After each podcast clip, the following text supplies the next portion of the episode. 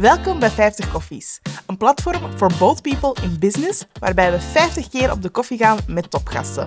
Met als doel de leiders van morgen een ruimere blik te bieden en samen bij te leren.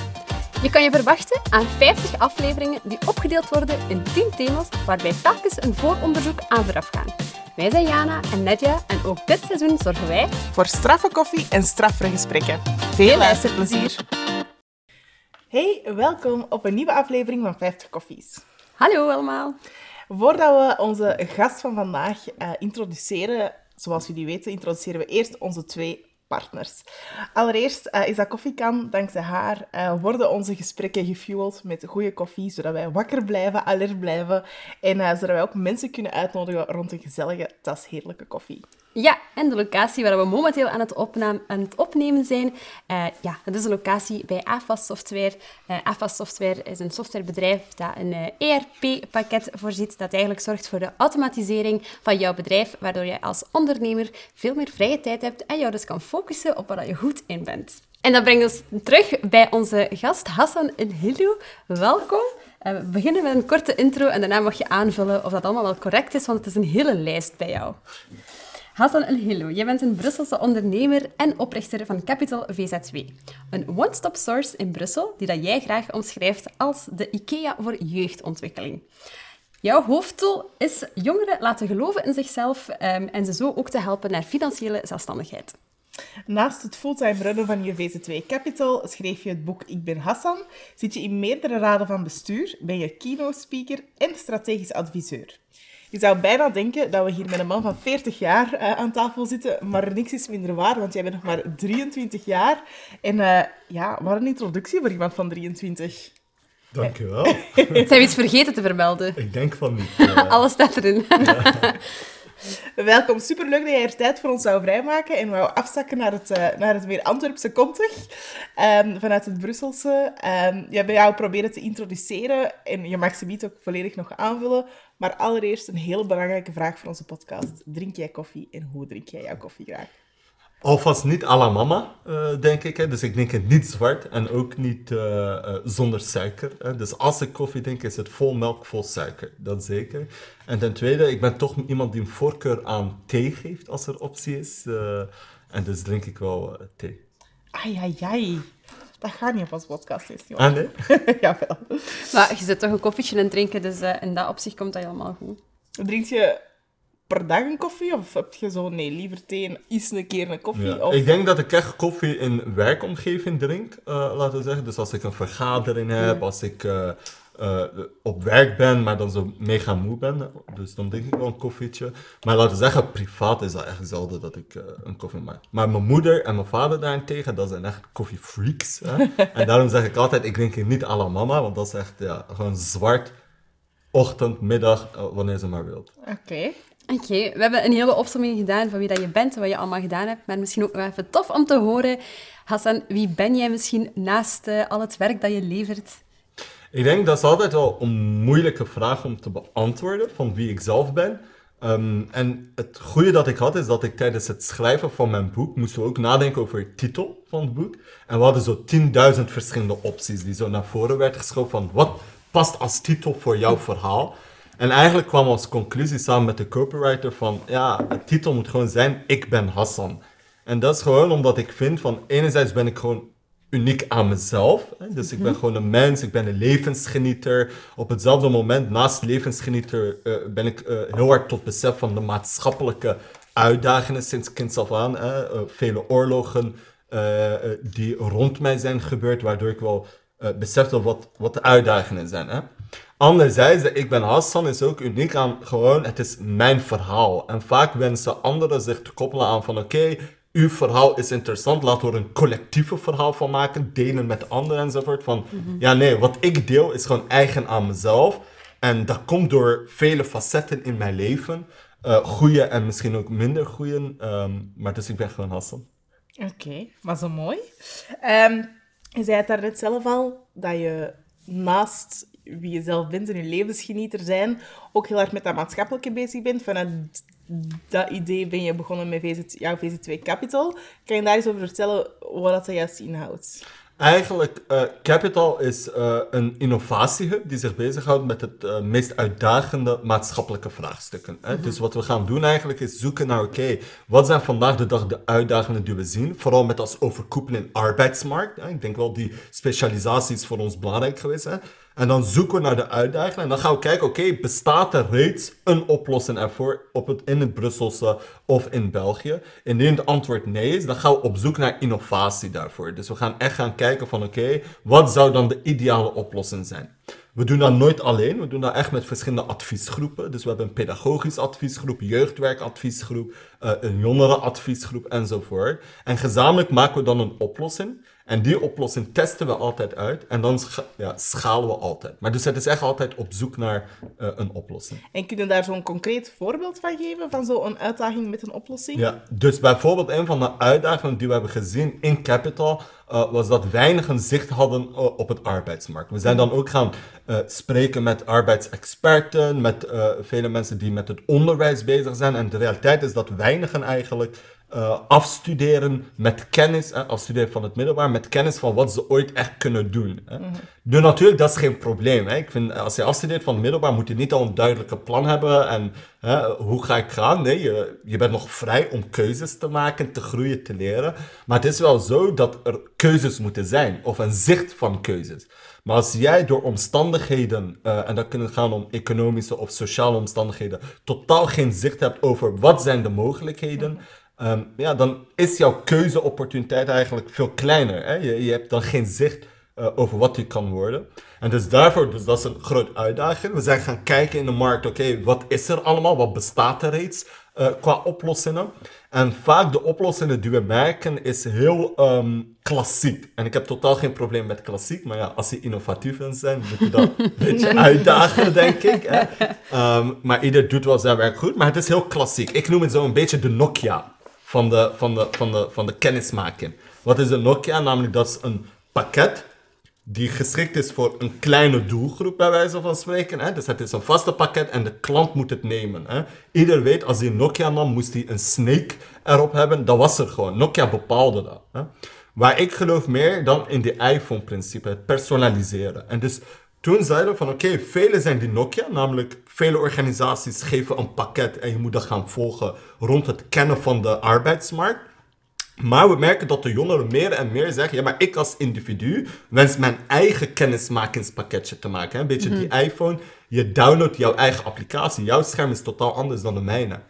En dus zo hebben we JobX gelanceerd. En dus JobX is een hoogtechnologische uh, jobervaring eigenlijk, waar we met behulp van technologieën zoals hologrammen uh, augmented reality, virtual reality enzovoort. Uh, meer dan 100 beroepen tonen, 20 sectoren uh, aan duizenden jongeren. En dus ze komen met een klas, de laatste graad. Ze doen een tour. En tijdens de tour leren ze al die jobs. Maar echt vanuit een gepersonaliseerde aanbod. Waardoor ze zeggen: Oké, ik ga meer van dit zien. Ik ga meer van dat zien. Um, en dan krijgen ze een breder zicht over wat er bestaat. Naast het feit dat het pedagogisch veel inclusiever is. En zoals ik zei, we hebben een sterke pedagogische adviesgroep met uh, toch wel mooie namen erin. En dus eigenlijk um, wat we merkten is het feit dat jongeren zelf op zoek kunnen gaan naar die job, zelf getuigenissen kunnen luisteren zonder een fysieke gesprek aan te gaan, zorgt ervoor dat er een barrière weggaat. Waarom? Want er is een barrière als je zelf in gesprek wilt met een potentiële werknemer ja, je moet die soft skills hebben, je moet die capaciteit hebben, je moet die taalmachtig zijn enzovoort. Hè. Met taal bedoel ik de vakjargonnen. Maar als je dat niet hebt, ja, dan daal je, dan wil je niet meer echt luisteren, je wilt niet meer uh, focussen. Maar bij ons, door die technologie, hebben we dat allemaal opgelost aan de hand van zelfopnames gemaakt, het taal zo uh, eenvoudig mogelijk uh, uitleggen, naar de essentie gaan. Wat is je job? Mm -hmm. Wat verdien je ermee en hoe geraak ik ja. aan je job?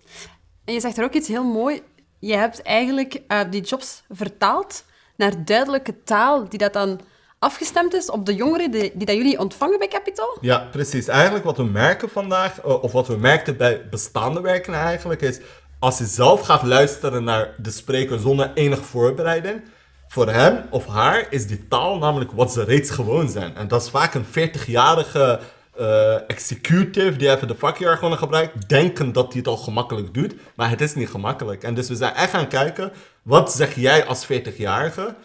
En wat begrijpt een 16-jarige ervan? Hè?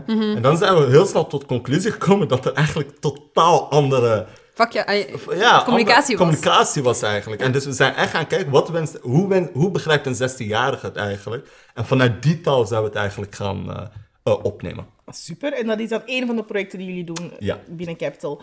Ehm, wat ik ook benieuwd naar ben, hoe is dat juist ontstaan? Je zei van ja, maatschappelijk had ik wel door van er zijn wel wat behoeftes die niet vandaag niet worden ingevuld. Maar hoe heb jij gezegd van oké, ik ga voor Capital, voor dat prachtig gebouw in Brussel, ik ga daarvoor. Dus eigenlijk, dat was in 2020. Dat was echt midden COVID. Ehm, de, de diep COVID nog, die periode dat we niets wisten en allemaal thuis moesten zijn enzovoort. En op die moment had ik het oprecht heel goed. hè. Ik, ik woon alleen, eh, ik, ik heb jarenlang als ondernemer eh, kunnen werken. En zo. Dus ik had het als individu goed. Mijn omgeving had het ook goed, in termen van familie enzovoort. Ehm, en dus de eerste week was het chill. Een weekje thuis, hè, eindelijk een beetje. Van een beetje rusten, hè. uitslapen tot negen uur, hè. dan wakker worden, computer aan. Wa- Wat wil je nog meer, hè? luxe leven. Ehm, en dan begon ik een beetje naar buiten te gaan. Hè? En begon ik de verhalen te horen in mijn omgeving. Hè? De ene, letterlijk mijn eh, buurvrouw, hè? een alleenstaand moeder, vier kinderen, alleen maar een iPhone, een oude iPhone. En die moesten online les volgen, die kinderen. Die was daar oprecht aan het huilen op die moment. Hè?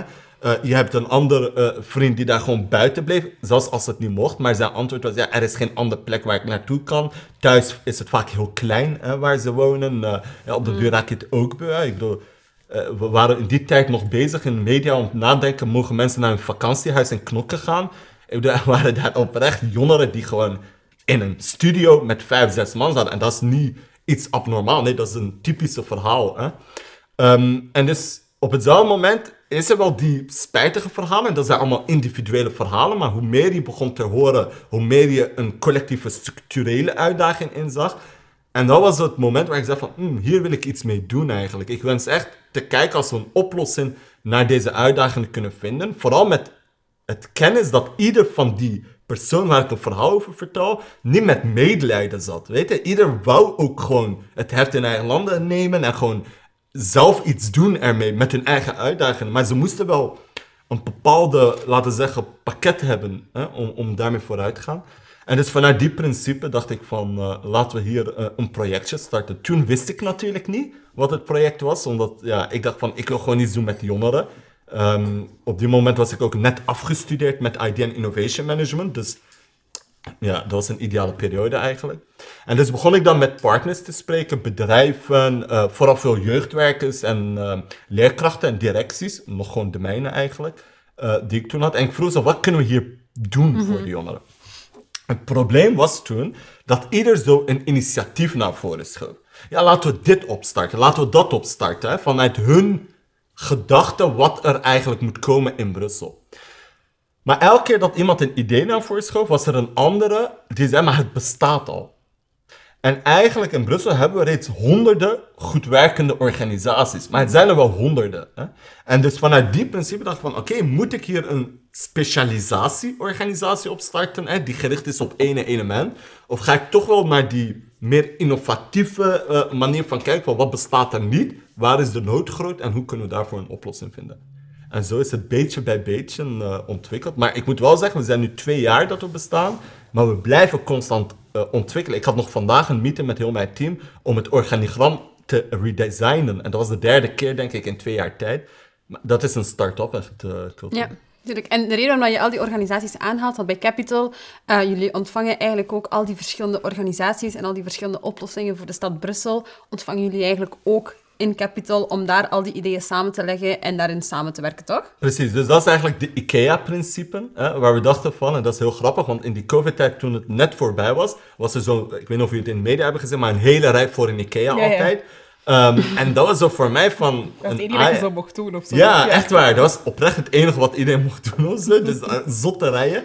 En ik keek en ik zei van, "Allee, maar waarom? Weet je, wat, wat doen ze?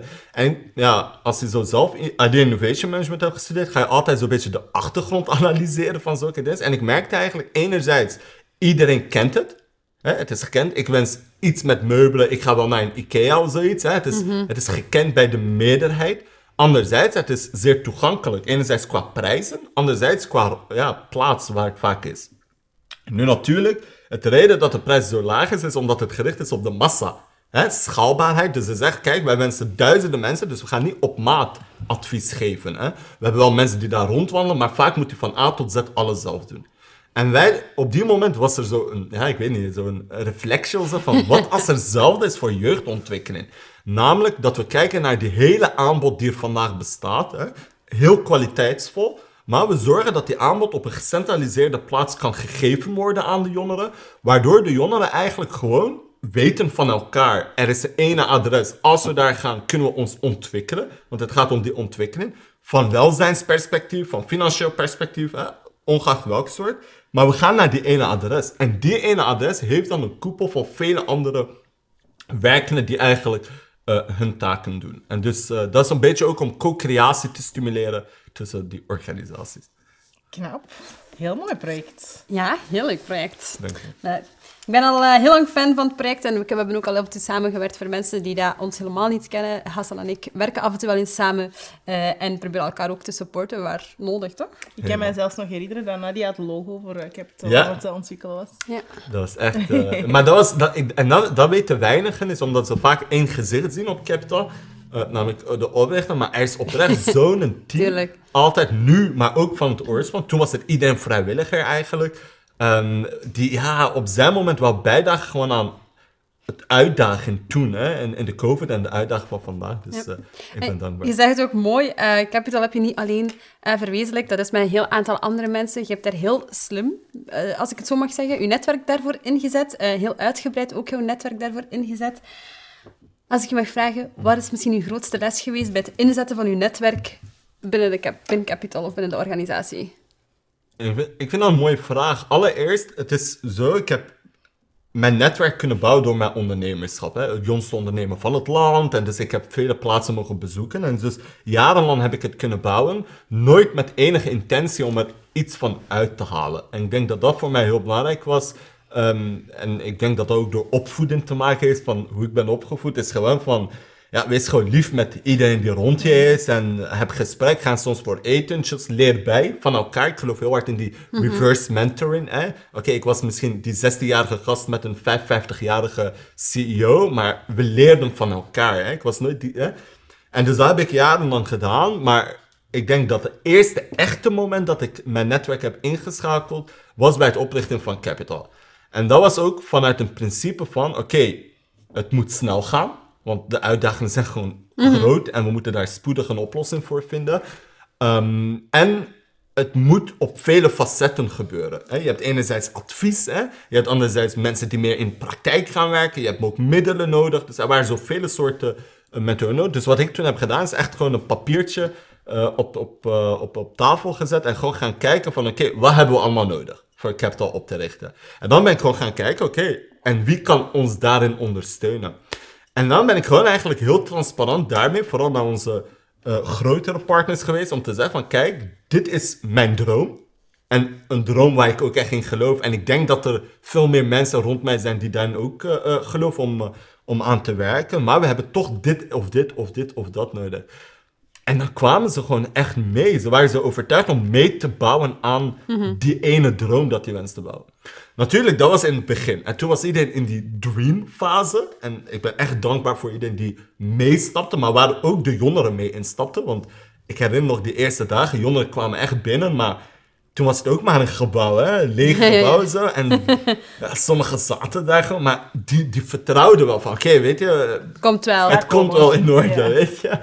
Um, en, en zo hebben we het opgebouwd. En nu zitten we echt in de fase van, oké, okay, skill deep, hè? Uh, waar we echt gaan uh, kijken naar wat, wat moet er nog gedaan worden. Wat, wat zijn die processen? En mm.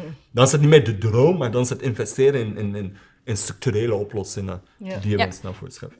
Als je zegt, um, Capital is opgericht in 2020. Ja. Twee jaar geleden. Dan was je 21 jaar. En toen ben je erin geslaagd. Mag ik vragen hoeveel budget dat er is binnengehaald voor Capital? Er is, laten we zeggen, genoeg budget binnengehaald om, uh, om, om het een uh, uh, paar jaren te laten ja, werken. Ja, dus dat is heel veel investering binnengehaald op een jonge ja. leeftijd, met heel veel vertrouwen toe ook naar uw partners rondom u. Is er misschien een grote fout dat je ook gemaakt hebt in het verzamelen um, van partners rondom jouw project? Waarvan dat je zegt, als er één iets is dat ik niet meer zou doen, is het dat. Mm. Dat is een goede vraag. Ik weet niet echt of ik een, een fout... Ja, het moet misschien niet per se een fout zijn. Ja. Misschien is dat je anders zou aanpakken, kan ook. Ik denk als... Ja, ik weet niet. Ik, dat is een moeilijke vraag, vind ik persoonlijk. Maar ik denk persoonlijk van...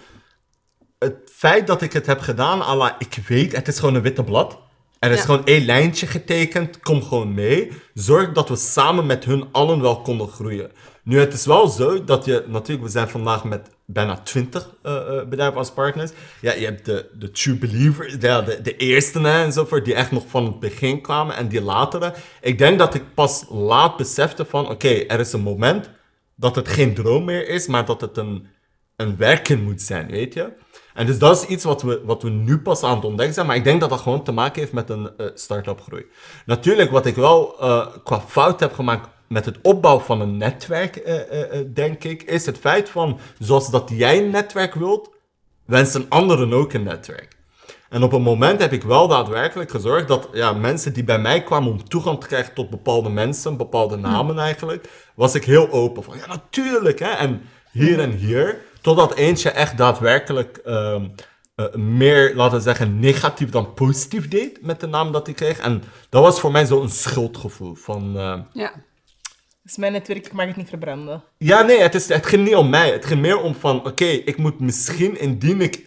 Want weet je, het netwerk die je hebt, vertrouwt jou. Dus als je iemand in contact brengt met die persoon, gaat hij hem ook vertrouwen. Waarom? Omdat hij reeds jou vertrouwt, Ja, ja. weet je. You Dus- vouched for him, ja. En dat was voor mij zo'n periode waar ik dacht van, oké, ik moet ook zelf zorgzaam zijn met wie ik met wie wil in contact brengen, weet je? Ja. En vooral toestemming vragen, wat ik vroeger nooit deed. Dus vroeger deed ik gewoon, oké, ja, je wilt met die persoon, ik stuur ze naar alle twee een e-mail up. Ik zet ze in contact, waar ik dan leerde, hè, dat was vooral één CEO die mij toen attent op heeft. Ja, nee, Hassan, stuur mij eerst een berichtje. Zeg van, wens jij in contact te worden gezet? Want ja, het is awkward, hè, als ze alle twee een e-mail krijgen, ja, moet er wel geantwoord worden, weet je? en dus, ik denk dat dat zo in het algemeen qua netwerk wel leerde van, oké, wees zelf echt, weet dat een netwerk ook een netwerk wilt en wees zorgzaam ermee. En ga in gesprek met die mensen en, Ja, ja. Dat denk ik eh, dat een goede tip is. Ik denk dat dat iets is dat wij zelf ook al ondervonden hebben, soms. Ja, inderdaad. Zeker als mensen zien dat je een groot netwerk hebt, vragen veel mensen ook achter het netwerk. Ja. Eh, waar dat geen probleem is. En, en je wilt uiteraard met heel veel plezier en liefde eh, mensen al, allee, met elkaar in contact brengen. En dat dat iets is wat wij dan wel gemeenschappelijk Ja. hebben. Jij bij Capital, wij hebben 50 koffies, dus mensen met elkaar in contact brengen. Eh, maar de manier waarop moet, gaat het wel... En dat is ook een proces waar dat je door moet of dat je leert. Ja. Door mensen elkaar... Akkoord. Allee, met elkaar En dat begint met heel enthousiasme. Hey, ja, tuurlijk, Ja. geen probleem. En dan het einde van, ja, oké, wacht.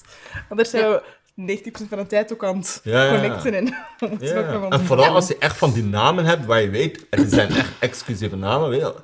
Als er één artikel verschijnt online waar zo'n naam op staat bij mij, ja, dan is dat een mailbox vol. En dan denk je van, allee, Ja.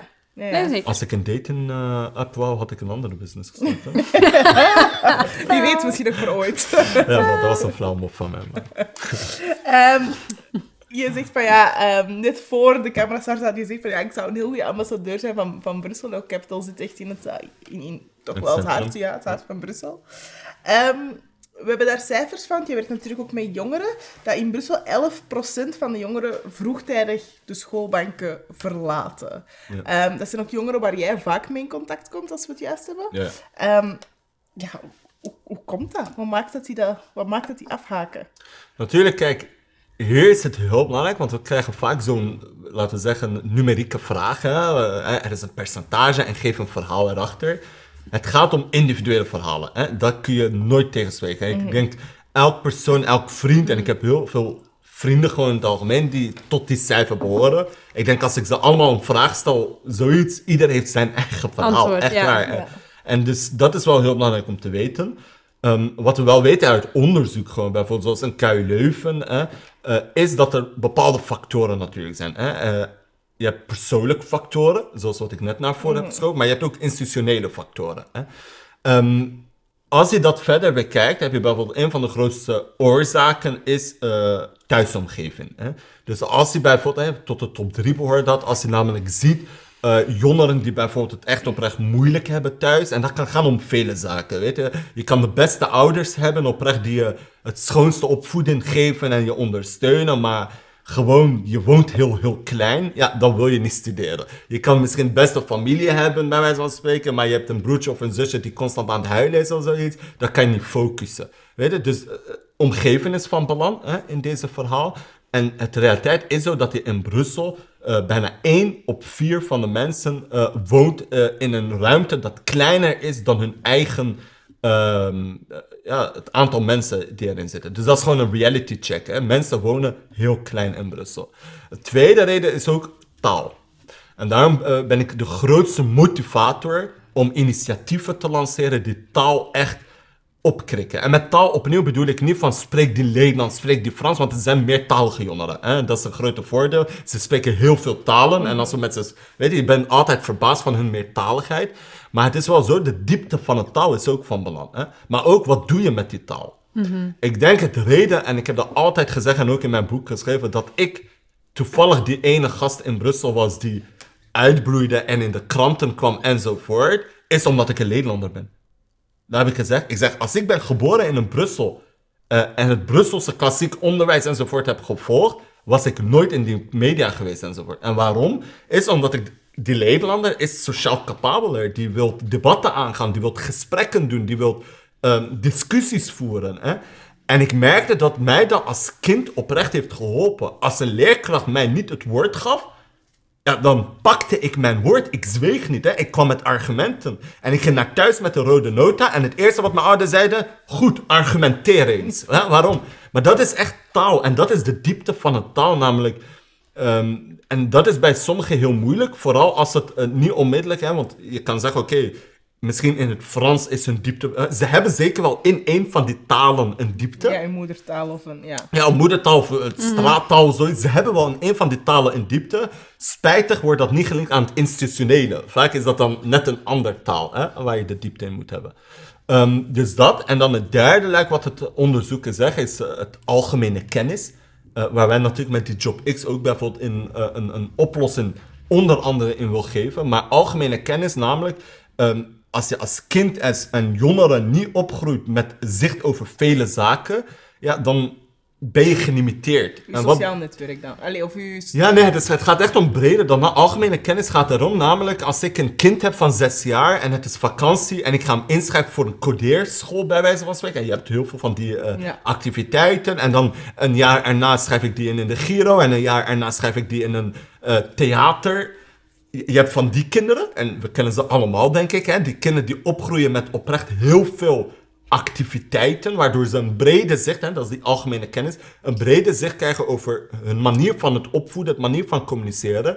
En dan heb je die kinderen die door gebrek aan die zaken gewoon opgroeien in een klassieke werken waar ze niet die algemene kennis krijgen. Minder bloot worden gesteld aan verschillende opties. Ze stellen opties en activiteiten gewoon echt. Hè? En dus dat zorgt ervoor dat uh, ze in het onderwijs dan ook veel moeilijker die linken maken tussen vele zaken eigenlijk. En ook misschien ontdekken waar ze effectief goed in zijn. Hè? Want ja. school is niet altijd iets dat het leukste is, nee. maar misschien een hobby of ah, theater, ben wel goed in babbelen voor het publiek, ja, ja. of juist helemaal niet, of mm. ik ben wel goed in dit. En dat ze dat maar ja, je hebt ook een watervalsysteem, en ik bedoel, die watervalsysteem is vaak wanneer je dan die, een jongere vraagt, en we hebben dat echt oprecht heel veel, maar we zeggen, oké, okay, hoeveelste jaar? Zesde jaar dit, hè? en dan hoort dat onder een uh, BSO, of een...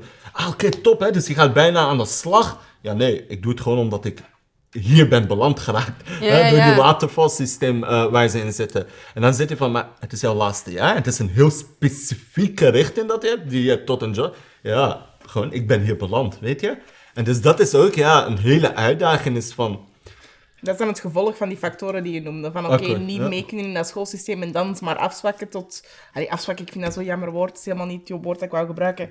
In een richting die veel specifieker en technischer is en hands-on ja. is. Om... Uh... Dus als je daar het licht niet in ziet, je eigenlijk misschien ook sneller geneigd bent om dan die specifieke richting op te geven en... Ja. Of er gewoon weinig mee doen. En opnieuw, het heeft met vele ja. factoren. Ik bedoel, als jij ook niet een klastitularis hebt die de grootste believer is in jou, uh, als de school ook. Ik heb in meerdere raden van bestuur ook van uh, Brusselse scholen gezeten, basisscholen en middelbare scholen. Ik bedoel, soms heeft het ook gewoon te maken met het manier hoe les wordt gegeven. Uh, Klopt. Ik bedoel, er zijn zoveel factoren aangelegd, maar dit waren wel de drie hoofdredenen vaak ja. hoe het komt. Super. En misschien dan ook kijk naar het schoolsysteem, want we zeggen daar wel dat zijn de drie hoofdredenen. Maar denk je dat het schoolsysteem divers genoeg is opgebouwd, dat het ook verschillende soorten leerlingen goed genoeg kan opvangen? Als het niet de leerling is dat stil kan zitten luisteren, leren op de manier dat we verwachten dat leerlingen kunnen leren, vangt het schoolsysteem van vandaag dat goed genoeg op?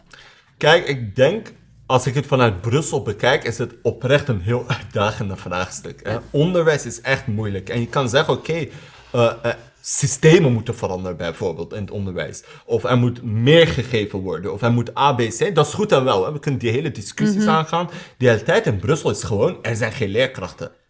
Ja, dat is, Er zijn gewoon geen leerkrachten beschikbaar. En ik bedoel, we hebben echt nu in die eh, laatste studieperiode jongeren over het vloer gehad. We hadden echt in die eh, laatste examen, dus nog in, eh, in, in juni, eh 2000 jongeren over het vloer, unieke profielen over het vloer gehad.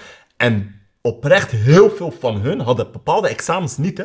En wanneer je zegt waarom, ja, we hebben al zes maanden niet leerkracht chemie, we hebben al zeven maanden geen leerkracht Nederlands. Zot, hè? Er is gewoon een oprechte achterstand. En weet de beleidsmakers proberen echt hun best te doen om het ook op te lossen.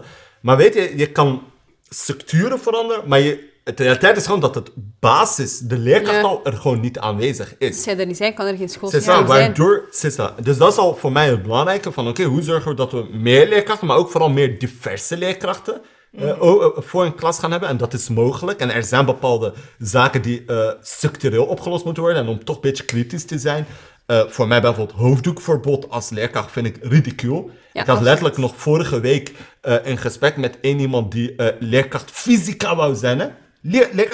In pharma wensen ze haar, hè? Dat, is, dat is een topprofiel. Ehm, maar die kan het niet zijn omdat ze haar hoofddoek niet wilt uitdoen. Allee, dat vind ik ridicule, weet je? Natuurlijk, hè? daar kunnen we ook uren over spreken. Dus er zijn heel veel van die factoren om het ook opnieuw op te lossen eh, aan de leerkracht. Maar ja, zonder leerkracht voor een klas kan je gewoon te koer niet lesgeven. Naast het feit dat de klas heel groot is. Alleen ik zat nog, en ik, met, ik zat nog, hè, dat is nog vier jaar geleden.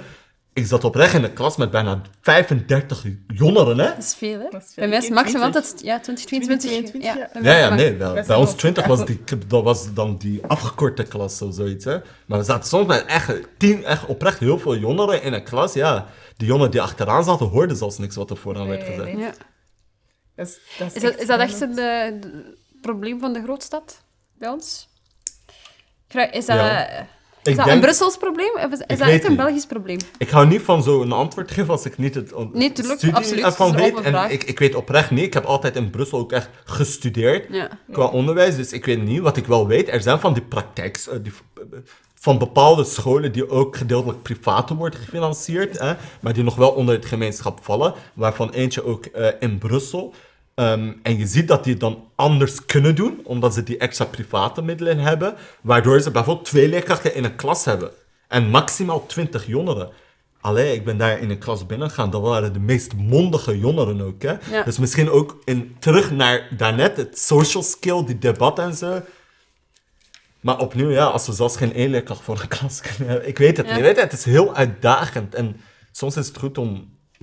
Ja. Nee, klopt. En ik denk dat... Je zegt er iets heel mooi, hè. En, en dat is wat je daarnet hebt aangehaald, van eh, een Nederlander te zijn, dat je gemotiveerd hebt om dat debat aan te gaan.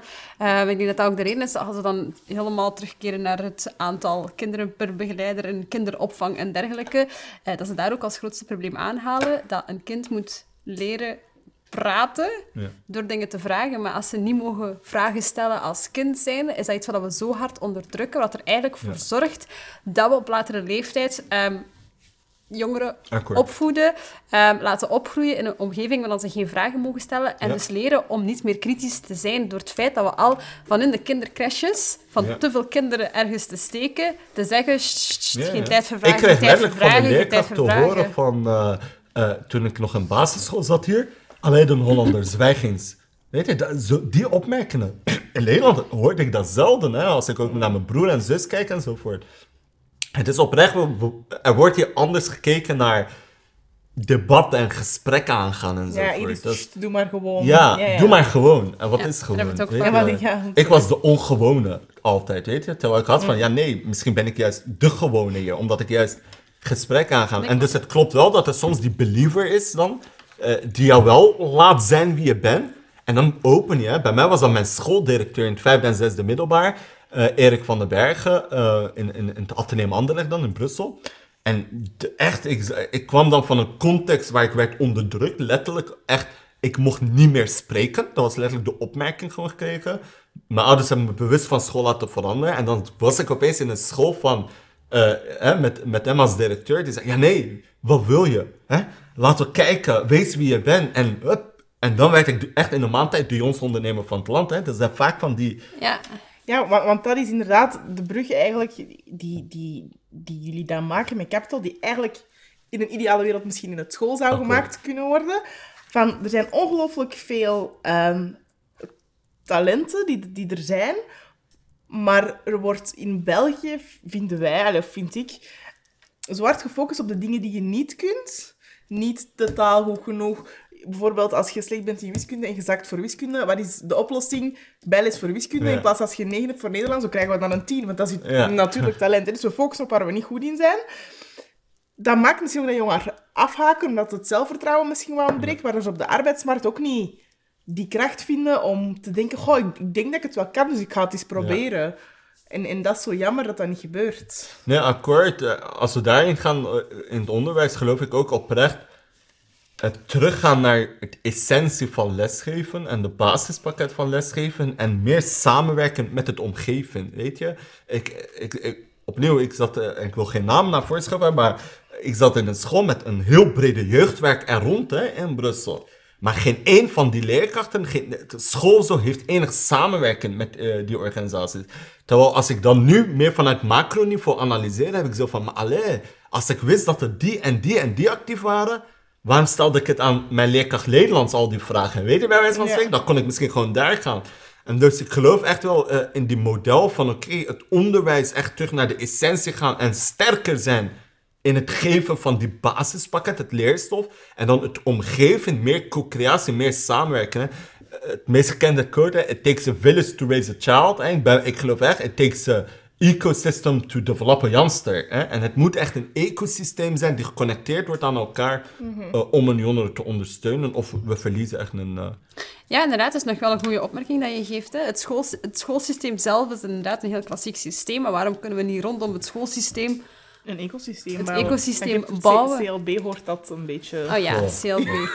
Sorry, niet ondernemen, Dat- maar- Maar dat zou, dat in theorie hoort Ja. dat het te zijn, Ja. hè? Ja, ja. En als ik je vraag, als er één ding is dat je graag zou ge- willen geleerd hebben op de schoolbanken, die dat je zelf niet geleerd hebt gekregen, is- misschien is dat voor jou dan wel echt in debat gaan, dat dan op een gegeven moment wel gestimuleerd is. ja. Is er één ding dat je toch zou willen geleerd hebben op de schoolbanken, nu dat je afgestudeerd bent? Mooi, ik was ook niet die perfecte leerling, laten we zeggen. Ik denk dat dat ook zo... Het, Veel ondernemers Veel niet, hè? ondernemers en veel mensen Ja. die daar uiteindelijk een eigen ding doen, zijn de Ja. mensen die eigenlijk niet pasten in het schoolsysteem. Hupplekke. En dus dat was wel... eh, het ding is, ik heb, ik heb altijd e- economie wiskunde gedaan. En ik vond dat echt top. Eh, voor mij waren zo die twee combinaties, economie en wiskunde. Je- het is enerzijds geen logica en anderzijds wel logica. Wiskunde is logica, economie is... Ja, je kan modellen rondbouwen, maar het is geen logica eigenlijk. En dus dat vond ik perfect. Eh, maar opnieuw, ik denk wat ik gewoon meer wou, is meer essentie in wat ik eigenlijk goed ben, zoals hij zei. Ehm, en het omgeven mij laten ondersteunen in, eh, in waar ik minder in ben. Ik denk als je kijkt naar het UK-model, eh, waar we allemaal wel een beetje van weten qua onderwijs, hè, daar kiezen ze hun eigen vak. Hè. Dus ze hebben dan vier vakken die ze moeten kiezen en ze krijgen dat, maar heel gedetailleerd. En dus ik heb een heel goede vriend van mij die ook daar woont. Ehm, en waar we in Nederland waren samen opgegroeid, maar die is naar de UK en ik eh, naar België dan. Eh, die had dan eigenlijk wiskunde en eh masterwiskunde. of zo. Dus die had zelfs twee keer wiskunde van de vier. Hè? Dus die had bijna de helft van de week alleen maar wiskunde. Als je ja, zijn- talent hebt, kun je ja, echt dat was zijn hebben, ja. passie, hè. En dus die heeft dat gedaan en die studeert nu voor, ja, hoe noemen dat, airspace engineering of zoiets, hè. Dus echt met wiskunde. En dan had ik zo van, allee, bijvoorbeeld economie was echt mijn hoofdhoofdpassie. Maar ik kreeg het gewoon zoals iemand die totaal niet geïnteresseerd was in economie, maar gewoon economie deed zoiets. Klopt, dat is wat Jana ook aanhaalde, van er wordt weinig Ja. gefocust op talenten van jongeren. Maar als we die ontwikkelen naar de best zijnde, om, ja, de Ja. best zijnde manier om dat te ontwikkelen, in plaats van Ja. altijd te focussen op waar je er niet goed in bent. Ik ben ook doorheen mijn schooljaren altijd afgestraft geweest op wat ik niet kon. En En de dat focus daarop geschiedenis gelegd, hè, ja. buizen heeft ervoor gezorgd dat ik mijn diploma niet gehaald heb. In Akkoord. zesde, allee, zesde middelbaar afstuderen, je mocht niet naar de proclamatie, over geschiedenis. En ik studeerde economie-wiskunde. Ja. Maar ze hebben mij laten buizen voor Ja, een les geschiedenis. Akkoord. Mijn diploma niet gehad. Ja. Dus in dat opzicht inderdaad talenten echt gewoon veel meer gaan aanmoedigen in plaats van altijd te focussen op alles. Nee, ik vind wel, we hebben wel het, het luxe om het zo naar te kijken. In termen van, qua onderwijs is het ook echt wel goed. Hè? Ik bedoel, als je ziet van, eh, en ik heb dat ook recent van iemand gehoord, een mentor van mij, dat, dat me toch wel aandoen is van, wanneer je afstudeert, hè, wanneer, hè, maar als je afstudeert van het middelbaar, heb je nog steeds, en ik hoop dat dat blijft, hè, een hint naar een paar mensen, hè, maar heb je nog steeds de optie om gewoon te studeren wat je wilt. Hè. Ik denk, we kennen gezamenlijk wel iemand, maar ik ga nu niet de naam geven, hè, maar die heeft eh eh, BSO gestudeerd altijd. En dan toch heeft hij nu een dubbele master gedaan. Omdat hij het gewoon opeens wel kon, weet je. En die had die passie enzovoort. En dus ik vind wel, en dat kan je niet overal, hè. eh, Zo'n studiemodel eigenlijk. Hè. Soms moet je heel hoge punten halen voordat je binnen mag, enzovoort. Dus die model van onderwijs vind ik echt dat we moeten behouden. Hè. Dus er zijn wel zaken waar we altijd beter en beter willen. En liefst, hè, dat is onze ondernemende karakter. Hè. Altijd kijken naar hoe kan het nog sterker en beter. Rekening houden dat er al een goede basis is die we wel mogen behouden. Ehm, die goede basis is er zeker, denk ik. Ik denk, zeker qua algemene kennis, het feit dat wij zo'n ruim aanbod hebben aan nuttige en voor sommigen minder nuttige lessen, ehm, maakt ook wel dat we een heel brede eh, kennis hebben. Als we dan meer gaan kijken naar de jongeren die op die schoolbank zitten, ehm, zien we wel dat 71% van de jongeren ehm, van, van de, ehm, kan ik even spieken, buitenlands, die een buitenlandse nationaliteit hebben, dat die sneller een achterstand oplopen dan ehm, mensen die gewoon een Belgische nationaliteit hebben. Hoe komt dat, denkt u? Ik denk dat er natuurlijk die factoren die ik daarnet eh naar voor heb geschoven, eigenlijk... thuisomgeving. eh, ja, eh, en taal enzovoort, hè, die, daar heeft het gewoon opnieuw mee te maken. En opnieuw, ja, er zijn natuurlijk die persoonlijke verhalen die ik ook kan delen, waar echt wel bepaalde zaken, eh, zoals eh, discriminatie en racisme, naar, tegenover een sociaal-economische realiteit van individuen ook eh, heel hard naar voren wordt geschoven. Natuurlijk, nu zit hij wel met het voordeel dat we in een online generation tijd leven. Hè. Je ziet dat altijd wel op Twitter verschijnen of op social media enzovoort. Mensen die het meemaken en die het delen, raakt ook heel snel gedeeld. Hè. Ehm, en weet je, soms voelt een individu zich gewoon niet goed in een bepaalde school enzovoort. En toch, er zijn oprecht echt vele factoren die eraan gelinkt zijn. En is het ook, dat was een gesprek dat we, ehm, ik kan me nu even niet herinneren meer met wie, maar hebben gehad, van dat er ook van buitenlandse jongeren een veel groter verantwoordelijkheidsgevoel ligt ten opzichte van ouders die bijvoorbeeld veel slechter de taal beheersen, waardoor dat er ook moet worden ingesprongen thuis om hier en daar... Ja, ik denk dat sowieso iedereen, zoals... ehm, jij bent ouders eerste generatie, jij Ja, ik ben tweede? tweede, ja. net zoals mij, tweede. Ja. Wij staan in voor alles wat papierwerk en belastingen en, en alles van papieren dat binnenkomen, zijn wij de generatie Ja. die dat moeten opvangen, inderdaad. Dus je bent ehm, bezig met je schoolcarrière, maar er wordt ook wel verwacht, want ja, ik denk dat veel allochtoonse families mij hierin wel gaan kunnen vinden, maar zo... Ja, je ouders verwachten dat ook wel van u, dat je dat gewoon kunt. Want je gaat Ja. naar school, je hebt dat geleerd. Zeg, wat leerde je eigenlijk op school als jij een brief niet kunt lezen? maar fair 90% van de tijd verstaat je de brieven niet. Ik ben Ik ben 30. eigen ook ja. hè. Waarom zit ik op school en kan nog voor een belastingbrief zelf in Dus die brieven gewoon al begrijpen, kunnen lezen, weten wat dat inhoudt. eh, en en Ja. als je dan iets niet begrijpt of verkeerd hebt geïnterpreteerd, en dat zorgt dan voor een boete of een, een herinnering, ja. dan kreeg je eigenlijk bijna als kind onder je voeten, omdat je ouders ergens verwachten dat jij dat wel kon ook. Dus ik denk zeker dat we misschien wel met andere... ehm, je zit met een andere omgeving. Ik denk dat het grote verschil daarin is, is dat ehm, ouders van ons verwachten dat wij hen antwoorden geven, terwijl dat ik denk gewoon eh, Belgische gezinnen, jij stelt de vragen aan je ouders. Jullie gaan nooit, of die gaan denken, die gezinnen gaan veel minder de vraag van de ouders naar de jongeren toe krijgen van hey, weet jij wat er in die brief staat? Ik denk niet dat Ja, uw mama u, dat aan u zou bijvoorbeeld gevraagd hebben, maar bij ons vanaf dat je eigenlijk de Nederlandse taal be- beheert ehm, in een allochtoons gezin, word je verantwoordelijk om die antwoorden aan je ouders te bieden, terwijl de andere gezinnen Het andersom is. het Ja. andersom is. En Ja. dat, is, eh, die, eh, dat, is, dat is eigenlijk eh, hoe bij mij empathie eh, tot stand is gekomen. Hè. Ik ben opgegroeid eh, op jonge leeftijd met een alleenstaand moeder. En dus voor mij is dat echt een element geweest om empathisch te worden. Want soms had hij een brief die dan eh, ja, heel pijnlijk was, laten we zo zeggen. Eh, eh, ja, probeer dat maar te vertalen. Natuurlijk. Als je, en dat is ook gelinkt aan die algemene kennis waarover ik het heb. Is, daardoor krijg je geen zicht over meer zaken. Je krijgt zicht over ja, het minder leuke zaken. We spreken heel vaak rond de omkadering van jongeren en hoe we jongeren moeten ondersteunen. We spreken zelden over de omkadering van ouders. Want voor mij, er is een bepaalde reden, en ik heb dat ook altijd aan mijn ouders nadien gezegd, ik begrijp het dat ze bij mij kwamen. Omdat ze niemand anders naartoe konden gaan. Klopt. Naar het gemeentehuis, naar het OCM. Niemand opende Nee. zijn deuren eigenlijk om hun te ondersteunen. En dus we spreken vaak over ja, jeugdwerkers, jeugdwerkers. En het moet bij ons hè, opgelost worden en goed en wel. Maar er zijn zelden ouderswerkers. En dus vandaag Ja. merk ik dat heel hard. Is, eh, ehm, er komen vaak bij ons moeders eh, eh, en vaders over het vloer met hun kind. Om hun kind te ondersteunen. En echt, ik luister dan naar het verhaal en dan heb ik zo van... Maar allee, och, eigenlijk heb jij ondersteuning ook nodig, weet je? Maar dat is ook denk ik die oudergevoel. Ja, we gaan het oplossen voor ons kind enzovoort. Maar ik denk, eigenlijk moet er ook ondersteuning zijn voor u. Ja, zoals het brief lezen, zoals die dingen. Dat, dat hoort niet het kind te doen, hè? Maar ja, er is niemand anders in hun omgeving die ondersteunt. Dus ik denk dat we heel vaak al kijken naar de eindmeet, maar nog niet naar het begin. Zoals het hele debat rond integratie. Hè? Er moet dat gedaan worden, er moet dat gedaan worden. Ze moeten, moet dat gedaan- wat moeten ze allemaal kunnen? ja, tegenwoordig weet ik het niet. hè. Mijn ouders eh, eh, vertellen altijd om op. Toen wij hier kwamen, moesten we gewoon de taal kennen en dan was het al goed. En dat hebben ze ook goed gedaan.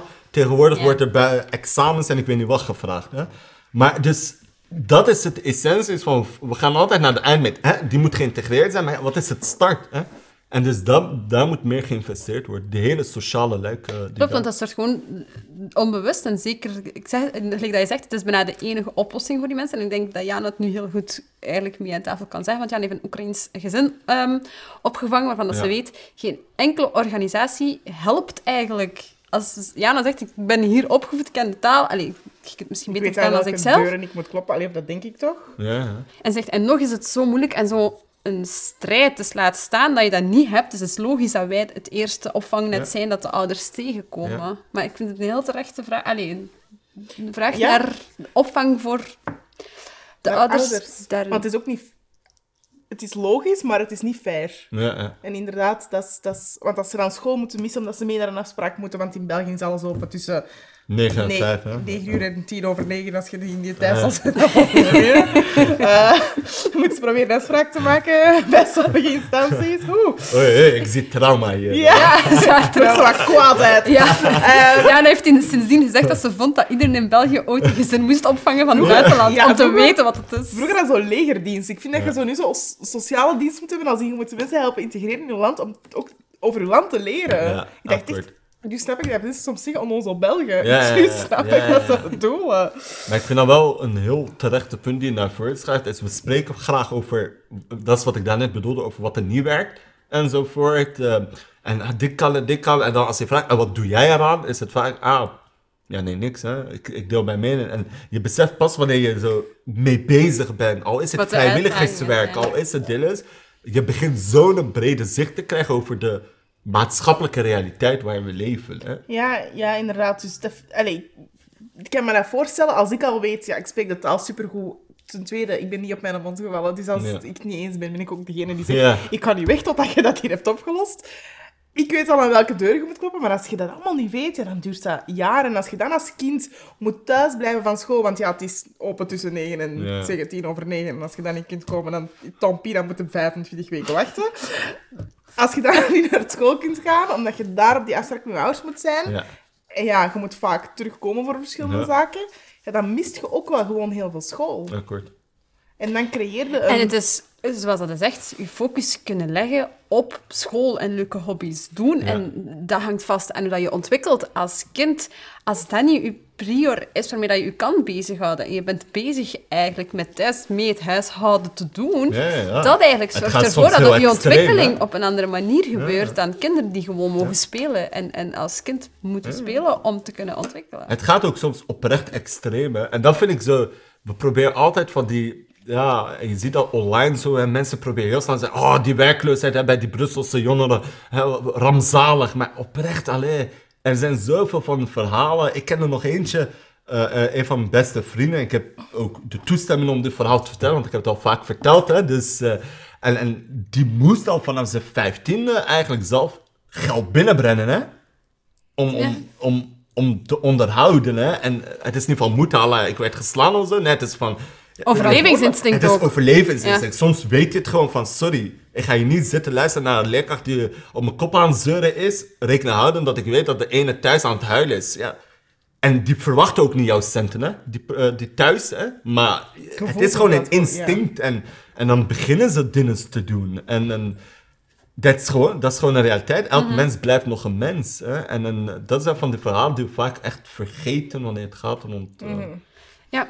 Nee, we hebben het nu al heel veel over die talenten gehad. Talenten die verloren gaan, die dan misschien niet ontwikkeld worden. Ehm, maar hier op de podcast ontvangen we heel veel bedrijfsleiders, waarbij dat we heel graag ook het topic aankaarten van hoe divers is jouw bedrijf. Ehm, wat doen jullie daarvoor binnen jullie bedrijf? Maar we krijgen uiteraard heel veel ehm, hetzelfde antwoord. Ja. En eh dat antwoord is, we vinden ze niet. ja.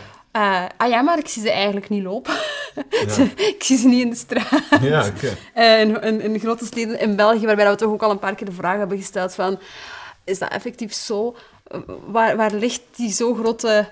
Dat is zo'n groot gat tussen zoveel ehm, gedreven jongeren. En, en dan hebben we het misschien inderdaad over de jongeren die daar afgehaakt zijn van, van schoolbanken, maar ook gewoon over, ja, wel diverse jongeren met wel diploma's, want die zijn er ook wel heel veel. Eh, het is niet dat er, die, dat Nee. er te weinig zijn. Ehm, hoe komt het dat er daar toch nog zo'n heel groot gat zit? Kijk, het is heel simpel. Altijd als ik die vraag krijg, is mijn eerste antwoord: koop alvast geen boek over die on- eh, onderwerp. Hè? Dat is het eerste wat ze doen. Een Ja. boek over inclusiviteit. we gaan even een boekje kopen en dan, dan gaan we het wel weten. Hè? Ja. En dat is zo vaak het uitdaging. Waarom? Want het, eh, het, het ingrediënten zijn al gekend van het recept. Allee, ik bedoel, tenzij je, ik weet niet in welke wereld leeft, hè, maar het zijn gekend. Hè? Zegt hij nog misschien nog maar eens even voor de mensen. Wat zijn de ingrediënten? Ja, Ja, dus je hebt wat- enerzijds bottom-up, top-down. hè. Bottom-up. Namelijk, we moeten ervoor zorgen dat er gewoon elk talent, zoals hij zegt, kan tellen. Hè. We houden dat in, oké. We moeten instellingen, organisaties enzovoort ondersteunen die zich bezighouden met die talent. Daar is vaak mijn antwoord is, ga al op zoek naar je eigen lokale organisaties in je omgeving, hè, die zich bezighouden met die talenten, hè, en steek daar geld in. Hè.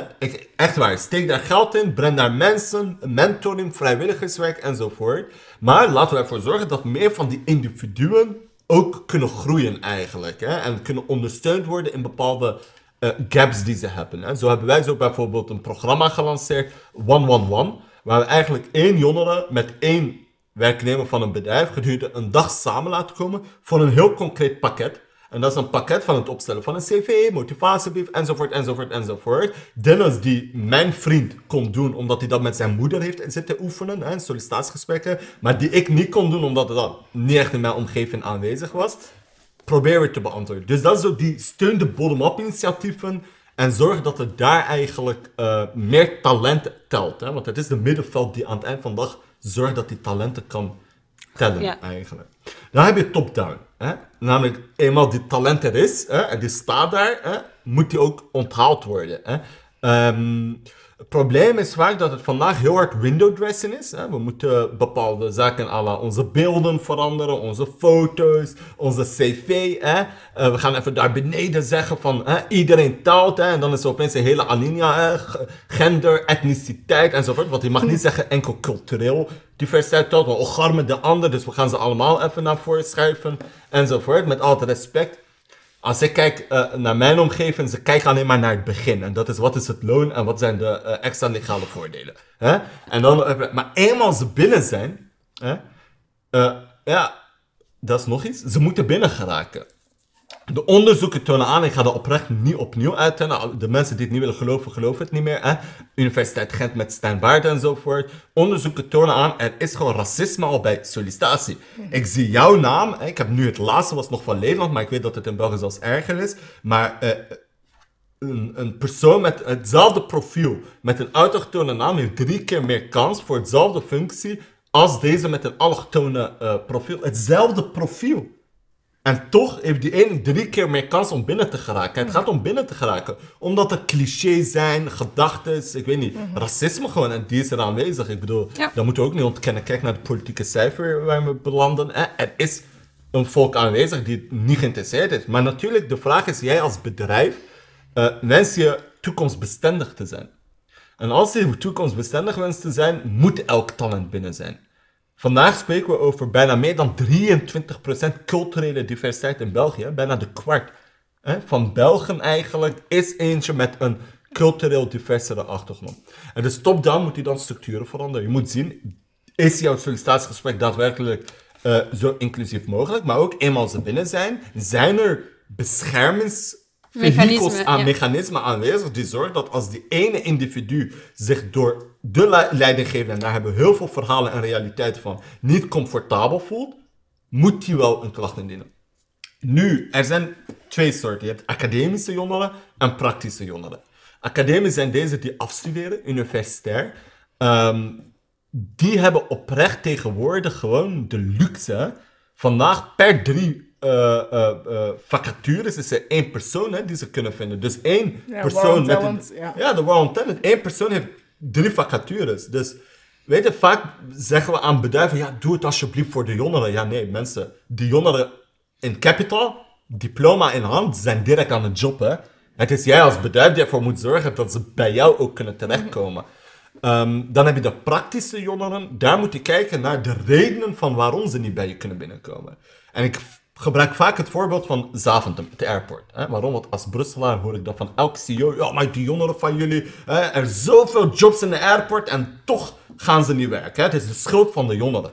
En dan ben ik gaan analyseren van, hmm, eigenlijk kan het misschien, dat is maar een trein 20 minuutjes uh, naar, de, naar de airport. Hè? Top. En dan ben ik gaan kijken, wat zijn de uren waar vandaag het, het gap in zit? Hè? Dat zijn vaak de uren in de nachten. Dus waar totaal geen openbaar vervoer aanwezig is om die individu daarnaar te brengen. En dan zeggen ze, ah ja, ja, maar onze voorwaarde is een rijbewijs. Maar ja, je wilt iemand die komt werken voor jou voor 1650 netto euro per maand, met al een rijbewijs en al een auto, een, auto en, uh, het betalen van zijn... Uh, Naft. ja. Om in de dus al die dingen, ja, sorry, dan is het niet meer de schuld van de jongeren dat hij niet bij jou terechtkomt. Nee. Zoek maar zelf. En het meest gemakkelijke oplossing, zorg voor shuttles tijdens de nachten een shuttle van, de, van de stad naar uh, de In de stad kunnen ze nog vinden hè, om uh, naar, de, naar een bepaald punt te gaan. Maar zorg voor een shuttle, dat wordt niet gedaan. Dus dat zijn ook die verhalen. Vaak verwachten we, ik weet niet hoeveel, 10.000 criteria's voor eerlijk gezegd een profiel waar ze zeggen, ja, bullet af, weet je, dan doe ik het niet hè, bij jou. Ja, ja, ja. En dat zijn van die verhalen waar we ook bij het technisch profiel uh, meer van moeten horen. Of ja, uh, ja, we recruteren meer mensen van buiten de grenzen, hoor je ook vaak uh, in bepaalde regio's, hè, dan deze van Brussel. Maar ja, daar is het 15 minuten rijden. Hè. Je, verwacht je echt iemand die een uur rijdt, elke dag op en neer. Snap je, het is, het is moeilijker dan enkel een verhaal. Ja. Wat ik wel geloof is, het zijn talenten.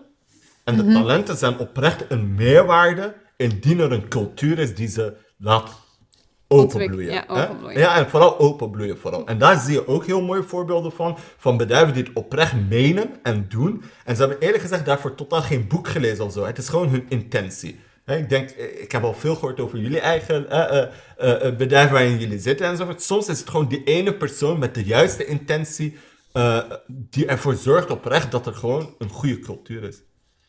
Ja, inderdaad. En um, eens ze dan de weg hebben gevonden binnen zijn, er is een cultuur dat dan open-minded is. Hoe is uw ervaring? Hoe kijk jij op het feit dat er op, op het, het, mogen maken van fouten. We hebben in ons vorig seizoen met Harry de Pauw het heel hard gehad over het feit dat um, jongeren, of, of gewoon iedereen eigenlijk, met een, met een allochtonse afkomst, um, minder foutmarge krijgen dan mensen met een Belgische nationaliteit. Is dat in uw ervaring juist of hoe kijk jij er tegenaan? Kijk, ik denk vooral um, dat het alvast opvallender is als je een fout maakt. Hè? Als je een van de weinigen bent eh, in, in het groep, uh, valt het sneller op wanneer je iets fout doet. Um, en kan je heel snel bepaalde clichés uh, aankoppelen. Ik noem het eigenlijk, hè, ik heb het nooit echt onderzocht of zoiets, hè, maar ik noem het de Expeditie Robinson uh. Hey, goed Die vergelijking is alvast fantastisch geweest. Goed dat ik geen andere vergelijking heb gedaan. Hè. We kennen allemaal de andere programma, dat is hem niet. Maar de Expeditie Robinson-proef is, wanneer je analyse doet, en ik heb dat bij het kijken, vaak zijn zo degenen van minderheden eigenlijk die het eerste afvallen. Waarom? Omdat de meerderheid het sneller opvalt wat er gebeurt. Hè? En dus dat is vaak een persoon die toevallig luider is, hè? die tot het minderheid. Toevallig, hè? want je, ziet anders ook, maar deze van minderheid, omdat hij in de minderheid is en dus sneller opvalt, is zijn stem vaak luider. Of klinkt het luider dan de andere. Hè? En dus dan heb je zo in die exper- je weet, ze mogen stemmen om iemand weg te gooien. Hè? Hebben ze van, oh, weet je, die, die is echt luid. Gaan we zo maandenlang in een eiland mee blijven? Hè? Laten we die buiten stemmen. Hè? En dan de tweede, oh, die is een beetje agressief. Hè? Maar dat is omdat je valt gewoon op in het groep. En dus zelfs al doe je tussen haakjes normaal, lijkt het abnormaal. Hè? En dus laat staan als hij dan een foutje maakt, ja, dan is het uitvergroot tot en met. Hè? En dus dat is wel eh, een, een, ik denk een realiteit. Ik denk dat het vanuit een unconscious bias is. Maar dat het wel zo is dat je het veel sneller Mhm. ziet en, en opvalt en dus ook veel sneller begint te, te straffen. En Een ander voorbeeld, sorry, hè, Nee, als je maar. kijkt naar eh, bijvoorbeeld veiligheid, hè, eh, we kunnen dat ook koppelen. Ja, het is zo, er wordt gezien dat er vaak aan racial discrimination wordt gedaan. Hè? Dus dat er echt daadwerkelijk mensen met een kleur toevallig veel sneller aan de kant worden gezet dan de mensen zonder kleur. Ja. En, en ik heb een boek daarover gelezen in New York. eh, was daar zo'n hele onderzoek over, gekoppeld aan artificiële intelligentie enzovoort. Een heel interessant boek eigenlijk.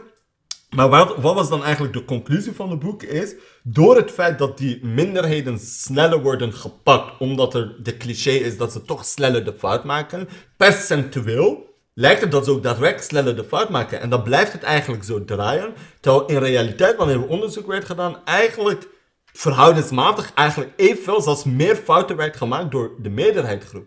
Maar die werd nooit gepakt. Hè? En dus werd het Ja, niet die werden gezien. minder gecontroleerd, Ja. zodat het minder opvalt en die cijfers minder naar boven komen en eigenlijk buiten de cijfers gelaten worden. Precies, hè? En dus, eh, en dus op het werkvloer kan dat hetzelfde zijn. Ja. En denk je ook niet dat we misschien ons... eh, eh, dat we zelf misschien als eh, mensen met allochtoonse afkomst of zo eh, meer gefocust zijn soms op cliché? Oh nee, ik wil echt niet te laat komen, want dan gaan ze denken dat ik de Marokkaan ben die te laat komt. Ja, ja, ja, ja. ja. Zijn we daar dan omgekeerd zelf ook meer mee bezig? Het is oprecht een vraag. Ik weet het nu niet, Nee, want, omdat ik nooit vraag. veel voor werk... Allee, ja. ik zit in mijn eigen werkomgeving. Nee, een goede vraag, maar ik denk wel dat je veel eh, zorgzaam mee bent. Hè? Ik denk dat mijn omgeving, de ouders en zo, veel sneller zo... En daar is er een heel mooi onderzoek gedaan, ik ben vergeten door welke eh, universiteit, maar ook in België. Ehm, en dat gaat, als we over bedrijfsleven spreken, carrièregroei.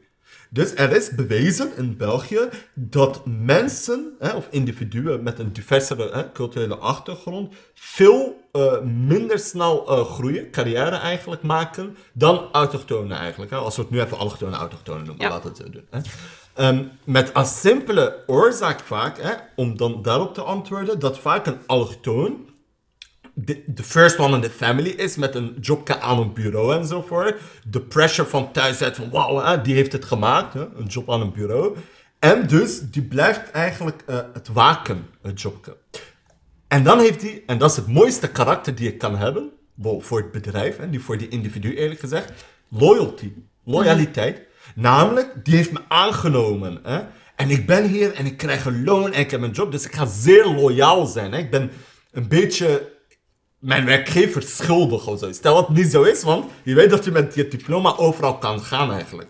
En dus eigenlijk wat die onderzoek aantoont, is dat wanneer die persoon, diezelfde individu, een andere job in een ander bedrijf aangeboden krijgt, waar die en een hogere loon krijgt en een hogere positie, die het vaak weigeren, hè?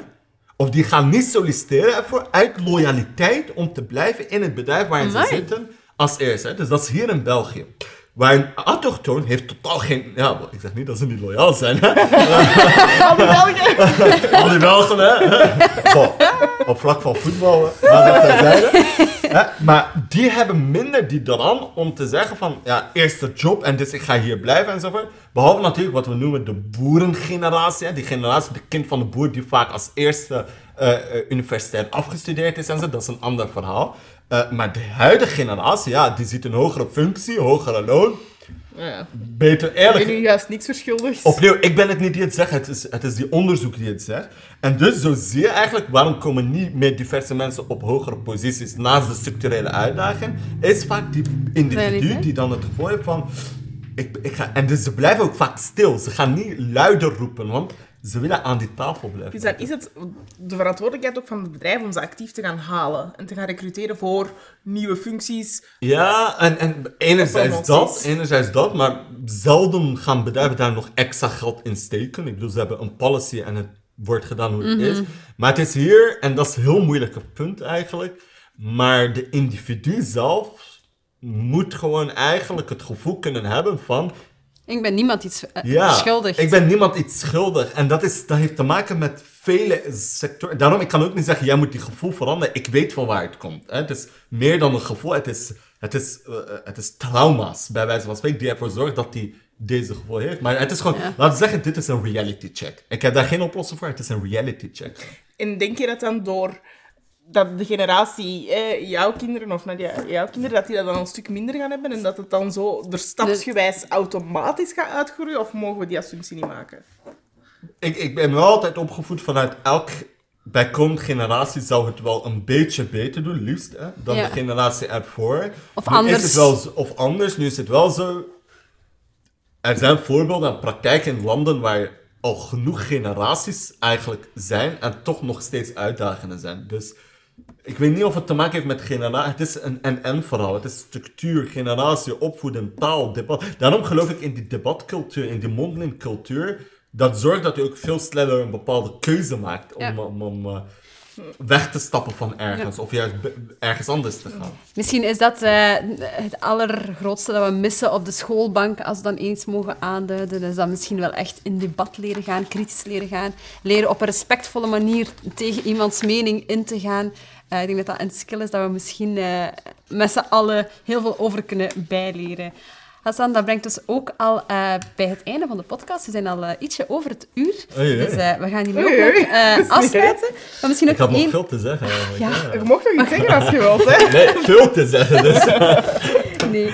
Ehm, we hebben jou eh, ook gezien verschijnen ehm, bij, eh, op de Trendstalk, Ja. denk ik, waar dat je het eh, vooral had over dat bedrijven dringend diversiteit zouden moeten gaan zien en dat het vanuit die intentie zou moeten gebeuren, waarbij dat je heel leuk aanhaalde. Ehm, twee zaken die u zei, stop crying en haast u langzaam. Ja. Ehm, met die twee zaken, ik ga het u heel mooi laten uitleggen, gaan Ja. we eh, de podcast ook op het gemakje afronden. Ah, top. Nee, dus Stop Crying is voor mij twee, tweezijdig. Namelijk enerzijds aan de mensen die niet in de diversiteit geloven en dus huilen eigenlijk van diversiteit. Stop met huilen. Het is de realiteit en ik zie elk talent en elk jongen rond mij. Die zijn er en die blijven en laten gewoon het beste meedoen. Dus aan de no-believers, zeggen, ah, of eh, er zijn mensen die zeggen het komt wel. Hè? Nee, weet je, stop met huilen en, en werk eraan. Anderzijds aan de believers, hè, de mensen die wel in geloven, maar die oprecht, en ik ken er echt velen, die het gewoon niet weten hoe ermee omgaan of ze vinden het niet. Ook aan die mensen stop met huilen. Want ik, ik geloof oprecht als jouw intentie, hè, in het Arabisch is, is er een mooi woord, niya, noemen we dat. Hè, maar als de intentie van jou als werkgever, van jou als werkvloer juist is en de cultuur juist is, het start met eentje, maar beetje bij beetje groeit het en zal die diversiteit wel eh, eh, komen. Hè? Zolang de intentie oprecht juist is. Hè? En daarom vaak lees die boeken niet, hè? want als de intentie er is, dan heb je al lang Dan al komt het automatisch. het antwoord. Hè? Het tweede eh, van H.C. Lanza, dat komt natuurlijk van keizer Augustus, hè? Festila Lente, binnen een totaal andere context. Maar ik vind dan heel mooi van, oké, wij moeten ons rond diversiteit haasten, maar ook rond jeugdontwikkeling. Hè? We zijn oprecht als je de cijfers ziet, een generatie aan het missen op vlak van welzijn, op vlak van financiële armoede enzovoort. En dus, haast je langzaam, we moeten ons haasten met die mensen, maar weet dat het een proces is dat tijd neemt. Het gaat langzaam. Hè. Ik krijg soms van bedrijven te horen, ah ja, als we jou x euro geven, kan je ervoor zorgen dat binnen de week uh, x jongeren bij ons over de vloer komen. En waarvan ik denk, gast, ik ben niet een recruteringsbedrijf. Wij zijn bezig met ontwikkeling. Jij als ouder had minstens 18 jaar nodig om jouw kind te ontwikkelen. En velen hebben het nog niet gehad. ja, maar ik bedoel, 18 jaar, je verwacht van mij als organisatie om opeens binnen een week een oplossing... Weet je, het heeft echt tijd nodig en vooral middelen nodig. En daarom haasten langzaam. We moeten ons haasten in geld steken, in middelen steken, in die ontwikkeling van jongeren. Maar weet dat het uh, stap per stap zal zijn. En dat we dan wel vooruit kunnen. Zolang het, hè, om te eindigen, morgen beter is dan wat we vandaag en gisteren hebben. Ja. Oh, maar zo mooi Heel geëindigd. mooi zeg. gezegd. En ik wil misschien nog maar iets heel kleins eh, eindigen, wat ik wel vind dat heel mooi in deze podcast eh, past. Wij zitten hier op AFAS Software en ik denk dat hier één ander ehm, ja, Arabisch meisje ook werkt ehm, in het bedrijf in België. En ik zelf zit hier dan met Jana op 50 koffies. Ehm, en bij ons zijn ze ook echt gekomen met de vraag, hey, we zouden hier een bezinningsruimte willen doen, een gebedsruimte willen doen. Ondanks dat we hier maar met zo weinig zitten, ehm, wordt er ook op die manier eigenlijk aan ons gedacht, zeg maar. Eh, dus ook vanuit allee, AFA Software vond ik dat zelf ook heel, heel eh, fijn. Inderdaad die intentie er vooral is, eh, dat ze erover nadenken, dat ze ook eventueel bij ons raad komen vragen of dat er eventueel iets zou missen of iets wat er zeker niet mag missen in zo'n ruimte. Dus inderdaad, dat is al start vanuit de intentie. Voelt je u als persoon ook gewoon heel erg welkom ergens. En dat is, dat, dat is echt dat is een verschil van dag en nacht. En niet enkel een ehm, gebedsruimte, maar Ja. even gewoon borstvoedingsruimte Klopt. voor moeders. Ja. Dus eh, de intentie is er. Ja, zolang de intentie er is, eh, geraken we al heel ver. Super hard bedankt, Hassan, om hier mee aan tafel te zitten. Eh, nog niet het einde van de podcast, want we hebben nog iemand uitgenodigd eh, die jou ook enkele kritische vragen gaat stellen, waarvan Diana en ik zelf ehm, mogelijk over het hoofd hebben gezien. Ehm, dus eh, die nodigen we heel graag hiermee uit aan tafel. Ondertussen hebben we hier een extra gast aan tafel en dat is Moussa Donpatsu. Uh, jij werkt als diversiteitsexpert en bent ook expert in decolonisatie. Ja, En probeer. je schreef ook het boek Yaya Naleki, ehm, hoe het voelt om eigenlijk als zwarte jongen hier in België op te groeien. Dus eh, welkom hier aan tafel om ook jouw kritische vragen af te vuren op Hassan. Dank u, dank u, dank u. Wat vond je ervan? Van- Ja, ik vond het eh, zeer boeiend. Zeker naar eh, opbouw toe. Eh, ik had heel wat kritische vragen, maar die zijn gaandeweg ook beantwoord geweest. Eh, en ik vond het ook wel, eh, deze jongen heeft veel expertise. Hij weet waarmee hij bezig is. En eh, dat straalt ook uit in het gesprek, maar ook aan de attitude dat hij heeft. Hè. Dus Dank u wel. Maar ook daarnaast, hè, ik denk, Don, heb ik hier geluk dat ik een expert naast me heb die, we, die ik ook ken. Is, een mens die enerzijds geliefd is, en dat is wel belangrijk in de sector waarmee we bezig zijn, is je weet het wanneer je geliefd bent. Geliefd door jongeren, geliefd door het middenveld, geliefd door mensen die ertoe doen. Hè. En eh, voor mij, als je geliefd bent, hè, je moet niet altijd geliefd zijn. Ik denk ook dat hij evenveel haters als geliefders hebt, maar meer door zijn stem hè, en, en door zijn kritischheid. eh, en dus ik heb altijd wel heel boeiende gesprekken, dus dat doet wel dicht om te horen dat, eh, denk dat het positief werd. eh, Heb je nog een paar vragen over om af te schieten op Hassan? Weet je, ik ga proberen te, ehm, aan die jonge gast uit te hangen, hè? die Ja. van de Brusselse straten. Ehm, ja, ik stel me om aan de vraag, jij werkt met een specifieke groep jongeren. Ehm, maar vaak wordt er ook gezegd dat dat vooral high profiels zijn. Ja, Jongeren die, al, die nog studeren of jongeren die nog rond de schoolbanken nog zitten. akkoord. Als we kijken boven naar de NATES-jongeren, jongeren die vroegtijdig de schoolbanken hebben verlaten, vinden zij ook wel aansluiting bij jouw initiatieven? Ja, dat is een heel goede vraag. Dus eh, het niet staat voor Not in Employment eh, Education and Training jongeren. Allereerst, als ik kritisch over die term mag zijn, eh, ik ben daar volledig tegen. Eh, dat is een term die door Europa werd gezet eigenlijk om een bepaalde subsidiemodel rond te bouwen, waar dan heel veel organisaties ook veel toegang tot geld hebben kunnen krijgen in naam van wij bereiken die doelgroep. Dus dat is echt een, eigenlijk wordt daarmee gezegd de meest zwakke. Hè? Eh, tussen haakjes dus ook het meest kostende voor de maatschappij, hè? eigenlijk individuen. Natuurlijk, ehm, wij vanuit Capital bereiken vier profielen. Hè?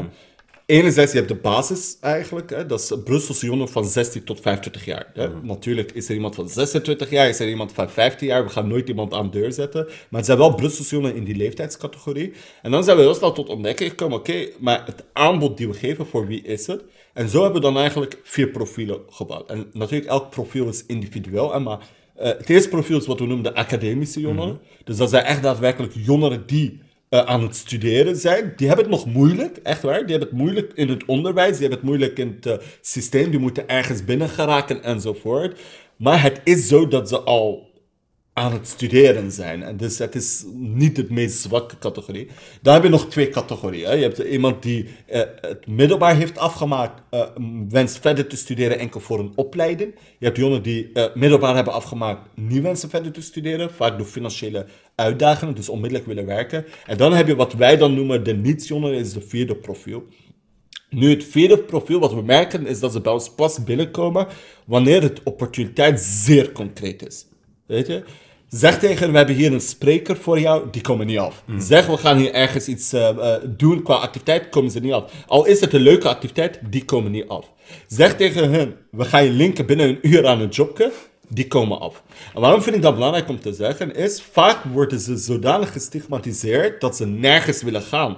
Terwijl wij zeggen, ja nee, echt waar, als jullie jobs hebben, communiceer dan met ons, waar je niks vereist natuurlijk qua vele eh, capaciteit of zoiets. Kom naar ons en we linken ze onmiddellijk. Want het eerste wat zij zeggen aan ons is, wij willen per direct jobs. Wij willen niet een hele dag zitten en zo. We willen een job bewerken en tijdens het werk zien we wel. Maar dan merk je wel oprecht dat, en sommige werkgevers zouden het wel goed doen, maar er zijn bepaalde zaken die werkgevers vragen, zoals ik daarnet heb gezegd, een auto, een rijbewijs en dingen. Ja, maar die profiel heeft het niet. Dus wat we merken is, we bereiken die jongeren enkel als de opportuniteit zeer, zeer duidelijk is en zeer snel kan gegeven worden. Zeer concreet. Ja, Zeer laagdrempelig ook waarschijnlijk. ze- ik denk hun talent wordt gevaloriseerd erin, Ja. maar het, is, het gaat hier meer om ehm, realistischer zijn met wat je verwacht. Als iemand zijn middelbaar niet heeft afgemaakt, niks aan het doen is enzovoort, en jouw verwachting als werkgever is dit, sorry, dan is het niet, je moet lager zijn. Nee, je moet gewoon tot het realiteit komen van waar die jongeren van komen. En daarom ook die shuttle enzovoort. Dat is de realiteit waar die jongeren mee, eh, mee zitten. Doe je daar iets voor om de realiteit binnen te brengen bij werkgevers? Ja, ik vind dat een heel goede vraag. Dus bij ons, elk partner die eh binnenstapt, en nu lijkt het echt alsof ik voorbereid ben. Mensen, ik ben echt niet voorbereid. Hè? Maar het is gewoon, we hebben echt heel veel nagedacht eh, binnen Capital. Dus bij ons, het partner die binnenstapt, hè, dus een private partner, we hebben partners zoals eh, Janssen Pharmaceutica, Coca-Cola, eh, Sofina Colruyt enzovoort. Ehm, zijn grote partners, dus dat betekent vaak dat er qua structuur veel meer opportuniteiten zijn om te werken. Maar we verplichten ze ook om deel te nemen aan wat we noemen de Capital Academy for Urban Studies. En wat is dat? Dus wij gaan zelf eigenlijk, een, wij geven zelf eh, lessen, workshops eigenlijk, aan mensen uit bepaalde departementen, ehm, om eigenlijk zelf opgevoed te worden, hè, zoals ze zeggen, en geleerd te worden met thematieken waar wij denken dat ze vandaag mee vallen. Om een voorbeeld te geven, nu de twee komende die eh, ze zullen krijgen, is eh, racisme op het werkvloer eh, en discriminatie door Fatima Zibou hè, van Actirus, toch wel een doctoraat enzovoort. Dus die moet aan de human research diensten van al onze partners eh, uitleggen van oké, wat is de reality gewoon? Mensen, er is discriminatie, dit is het. Maar ook vanuit haar expertise, wat zijn de oplossingen ervoor? Hè? Dus die moeten daaraan deelnemen. Als we merken er is een bedrijf die niemand heeft afgestuurd, dan gaan we dat ook echt aanspreken. Van mensen, het is hier niet eh, geld geven, mooie logo. Nee, jij moet ook jouw werkvloer. En de tweede is eh, AI. Eh, ethische AI. Dus eh, heel veel van de bedrijven zijn qua IT bezig met het creëren van artificiële intelligentie. We weten dat eh, veel artificiële intelligentie gelinkt is door data van het geschiedenis. En data van geschiedenis is vaak heel discriminerend. En dus is er een expert, eh, die dan eigenlijk, die ook een boek daarover heeft gesproken, die gaat alle IT-diensten een keynote geven, workshop rond. Hoe kan je eh, ethische AI ontwikkelen? Dus AI die rekening houdt met eh, minderheden. En dus we kijken echt naar alle departementen en we zorgen dat ze ook zelf een beetje leerstof krijgen. Nee, mooi. Ik moet toegeven, jong, fris, kapitaal ook. Je zei daar juist, eh, daarnet Ja. zei je twee jaar. Hoe positioneerde jij dan in het werkveld? Want er zijn ook oudere modellen, initiatieven die al heel uit. Sommigen heel oud. Maar hoe positioneer je? Daarjuist zei je van, je voelt u, hè, of jullie hanteren de IKEA-methodiek. ja. Werkt dat soms op concurrentie? Is dat soms, voel je het soms voelen sommige organisaties zich bedreigd daardoor? Of? Akkoord. Kijk, ik denk, eh, wat hier heel belangrijk is om te weten is, we zijn met hetzelfde doelgroep bezig. Weet je? Dus het kan dat de ene zich meer bedreigd opeens voelt dan de ander. To be honest, mijn reactie is dan, jouw intentie, hè, de nia, is niet juist. Want, allee, hoe kan je concurrent voelen tegenover hetzelfde doelgroep? Hè? Weet je, laten we samenwerken. En soms werkt jouw model niet, soms werkt mijn model niet. Goed en wel, stop ermee. Hè? Wat we hebben is het probleem om te stoppen met dingen dat niet werkt. Dus dat is het eerste punt. Het tweede punt is, eh, ik geloof heel hard in die reverse mentoring. Hè? En dus vaak wordt dat gedaan tussen een mentor en een jongere. En wat is dat? Dat is een ouder die jongeren iets ehm, leert eigenlijk, hè? vanuit zijn expertise of haar expertise. Maar reverse mentoring zegt eigenlijk, ja nee, het is een samenwerking van leren. Dus de jongere leert de ouder ook iets bij. En ik ben zo opgevoed altijd. Hè? Ik leer van ouder, maar ouder moet ook van mij dingen leren dat die niet weet. En ik hoop dat we met de middenveld ook die model gaan creëren, waar we eigenlijk zeggen niet concurrenten, maar van elkaar leren. Want er zijn dingen bij het klassiekere werken die heel gevaloriseerd is. En er zijn dingen bij ons die ook heel vernieuwend en gevaloriseerd is. Laten we van elkaar leren. Degenen die dan niet willen doen, dat zijn vaak diezelfde organisaties die zeggen onze jongeren altijd. Hè? Dat is mijn jongeren, dat Dat is mijn jongeren. kapitaal. Hè? Het is, eh, ja, dat zijn vaak de organisaties die oprecht de intentie niet juist hebben, want het is niemands jongeren. Het zijn de jongeren Maar van de- de ouders en dat is het Ja, van de en- maatschappij. En idealiter zouden al die organisaties niet meer moeten bestaan in een ideale wereld, omdat het probleem zou zijn opgelost. Als en ik moet jongeren ontwikkelen om ze daarna terug los te laten. Eigenlijk moet het doel zijn Oh, om de jongeren terug Ja. weg te sturen in plaats van ze altijd buiten te Dank u houden als wel. organisatie. Echt waar, ik ga hier een voorbeeld geven dat dit perfect illustreert. En dat is zelfs niet met klassiek en nieuw. Soms is het tussen nieuwen eh, of zoiets eh, elkaar. Eh, maar we hebben een jongere die in een werken zich perfect heeft ontwikkeld. Ik ga de naam natuurlijk niet naar voren schrijven. Ehm, en dan is die klaar. Die behoort tussen wat, wat zij dan noemen alumni. Waar ik zeg van, sinds wanneer hoort een 14-jarige in een alumni-netwerk? Weet je, ik bedoel, die moet nog veel dingen Ja, doen om ja. te ontwikkelen. Dus die kwam bij Capital terecht. En bij Capital heeft hij bepaalde eh, zaken gekregen dat zijn verdienste in. Hè. Het heeft niks met ons te maken, maar zoals ze zei, eh, we koppelen gewoon de opportuniteiten. En die was er daar. Die heeft dat gepost en die heeft ons bedankt op social media dat, dat hij dat heeft gemaakt. Want dat was voor hem echt een wauw. Dat was learning, netwerk enzovoort. De oprichter van die organisatie heeft op die post gereageerd. We zijn heel blij om jou ook tot onze alumni te noemen. Hè? En zoals je weet, hè, eh, hebben wij x aantal alumni's. Hè? En op die datum hebben we nog een feestje voor wie geïnteresseerd is. Weet je, die jongeren belden de jeugdwerker van Capital, hè, Emile, die belde die op en die zei tegen hem van, allee, wa- waarom doet ze dat? Allee, is ze niet blij dat ik hier gewoon ben? Kon ze niet gewoon een like doen of, of goed zo of goed gedaan? Ze moest haar organisatie daar centraal zetten. En dat is echt die valkuil van eh, eh, eh, eh, niet enkel organisatie, van gewoon het mens in zijn algemene. Die heeft zo die intrinsieke reactie van sommigen, eh, het is van mij en ik ga het niet delen. Weet, je, laat hem weer of het is delen. mijn verdienste dat die persoon Ja. iets heeft gedaan. Het is niet jouw verdienste, met alle respect. Je hebt mooie loon gehad altijd en, en inkomen enzovoort om dat te doen. Weet je, het is jouw werk geweest. En je hebt het of goed gedaan of niet goed gedaan. Weet je, heel vaak denken wij, oké, je hebt misschien meer opgeofferd omdat je in een sector bent die veel minder doet, hè, maar het blijft jouw werk. Ja. En sorry, als het gelukkig dat hij daar zat, hè. als hij daar niet zat, heb je gewoon niet goed gedaan. En dat is een nieuwe innovatieve zaak die wij aan het opbouwen zijn met Capital. We noemen dat de Digital Youth Road. En dat is eigenlijk waar we zeggen, het middelen moeten niet meer naar het organisaties gaan, maar moeten naar de jongeren. En in de zorg wordt dat vandaag gedaan. Dus in de zorg is er wat we noemen de PMF of zoiets, of de PVF. Hè? En wat is de PVF? Dus eh, dat zijn mensen met eh, eh, bepaalde, ja, minder valide eigenlijk. Die krijgen een check, letterlijk een fouché, van x duizenden euro's per jaar. En zij mogen zelf bepalen aan welke ondersteuning ze het gaan uitgeven. Dus zij bepalen zelf het kwaliteit die ze wensen, maar ook het aanbod die ze wensen. Hè? En dat is eigenlijk change in finance. Het is het financiën niet meer aan al die grote instellingen geven en de groter wordt groter, hè? gigantisme. Nee, het is geven aan de jongeren en die krijgen het recht op hun ontwikkeling. En ik geloof dat we echt naar die model moeten gaan rond, rond jeugdontwikkeling, waar een jongere zelf mag bepalen van, ik vind jouw aanbod leuk. En jouw aanbod kan zijn vrije tijdsaanbod, gewoon activiteit, maar ik wil dat. Ik vind dat leuk. En ik besteed mijn geld aan u, of aan u, of aan u. Maar ik ben niet eigen aan iemand. Ik ben- en dan gaan we ook in een model waar organisaties meer het klant, en dat is de jongeren, centraal zetten. En meer naar de jongeren luisteren. En ook vooral meer vanuit mensen... vraag dan vanuit aanbod. Dankjewel. Dus ik, ik hoop echt dat we richting die model gaan. Natuurlijk, er kan nog vele gesprekken daar rond gecreëerd worden rond hoe. Hè? Want ja, jongeren kunnen misschien ook een beetje naïver zijn soms op bepaalde zaken. Of en veel opnieuw geen overzicht van keuzes. Dus dat, dat wel, maar ik vind wel, we moeten financiën veranderen. En we zijn nu in gesprek met onze partners, de bedrijven, om dat ook even te bekijken. Van hoe kunnen zij alvast beginnen door financiën naar jongeren te brengen, in plaats van naar mij, waar ik als organisatie daar ook voorstander ben. Dus ik vind, de geld die ze aan ons geven, mag eigenlijk als eerste organisatie in checks aan de jongeren worden gegeven, weet je? En dan moeten wij ons beter bewijzen.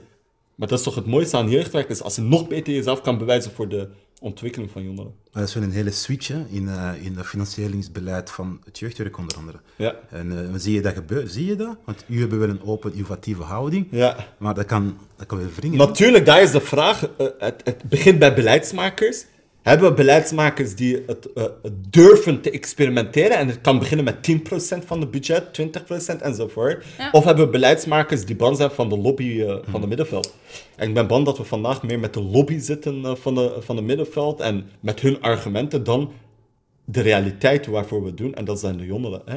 Ehm, en ik denk de intentie kan wel juist liggen, maar we moeten het echt onderzoeken en we moeten er meer mee doen. Maar ik ben wel overtuigd dat als we meer de geld bij een jongere zetten, in plaats van bij een... eh, en eigenlijk onderwijs wordt een beetje zo gedaan, hoger onderwijs eigenlijk. Een jongere kiest zelf waar hij wenst te studeren.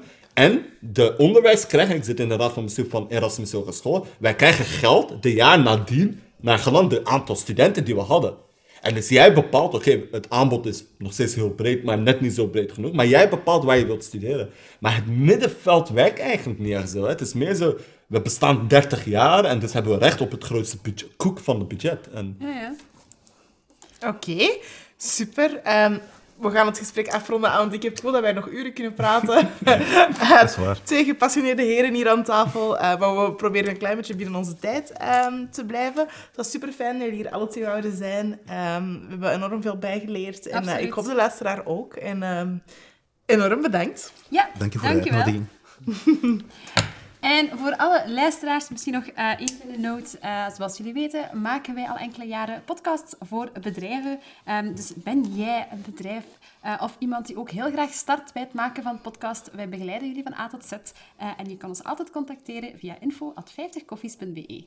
Tot ziens. Dankjewel, dag!